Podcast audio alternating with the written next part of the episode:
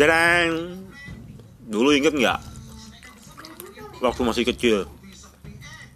Apalagi zaman SD. Jajanan paling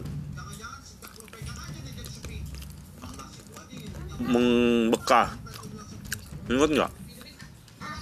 Duduk, melingkar, jongkok, depannya ada ember, isinya meler-meler, dicolek, itulah kerupuk upil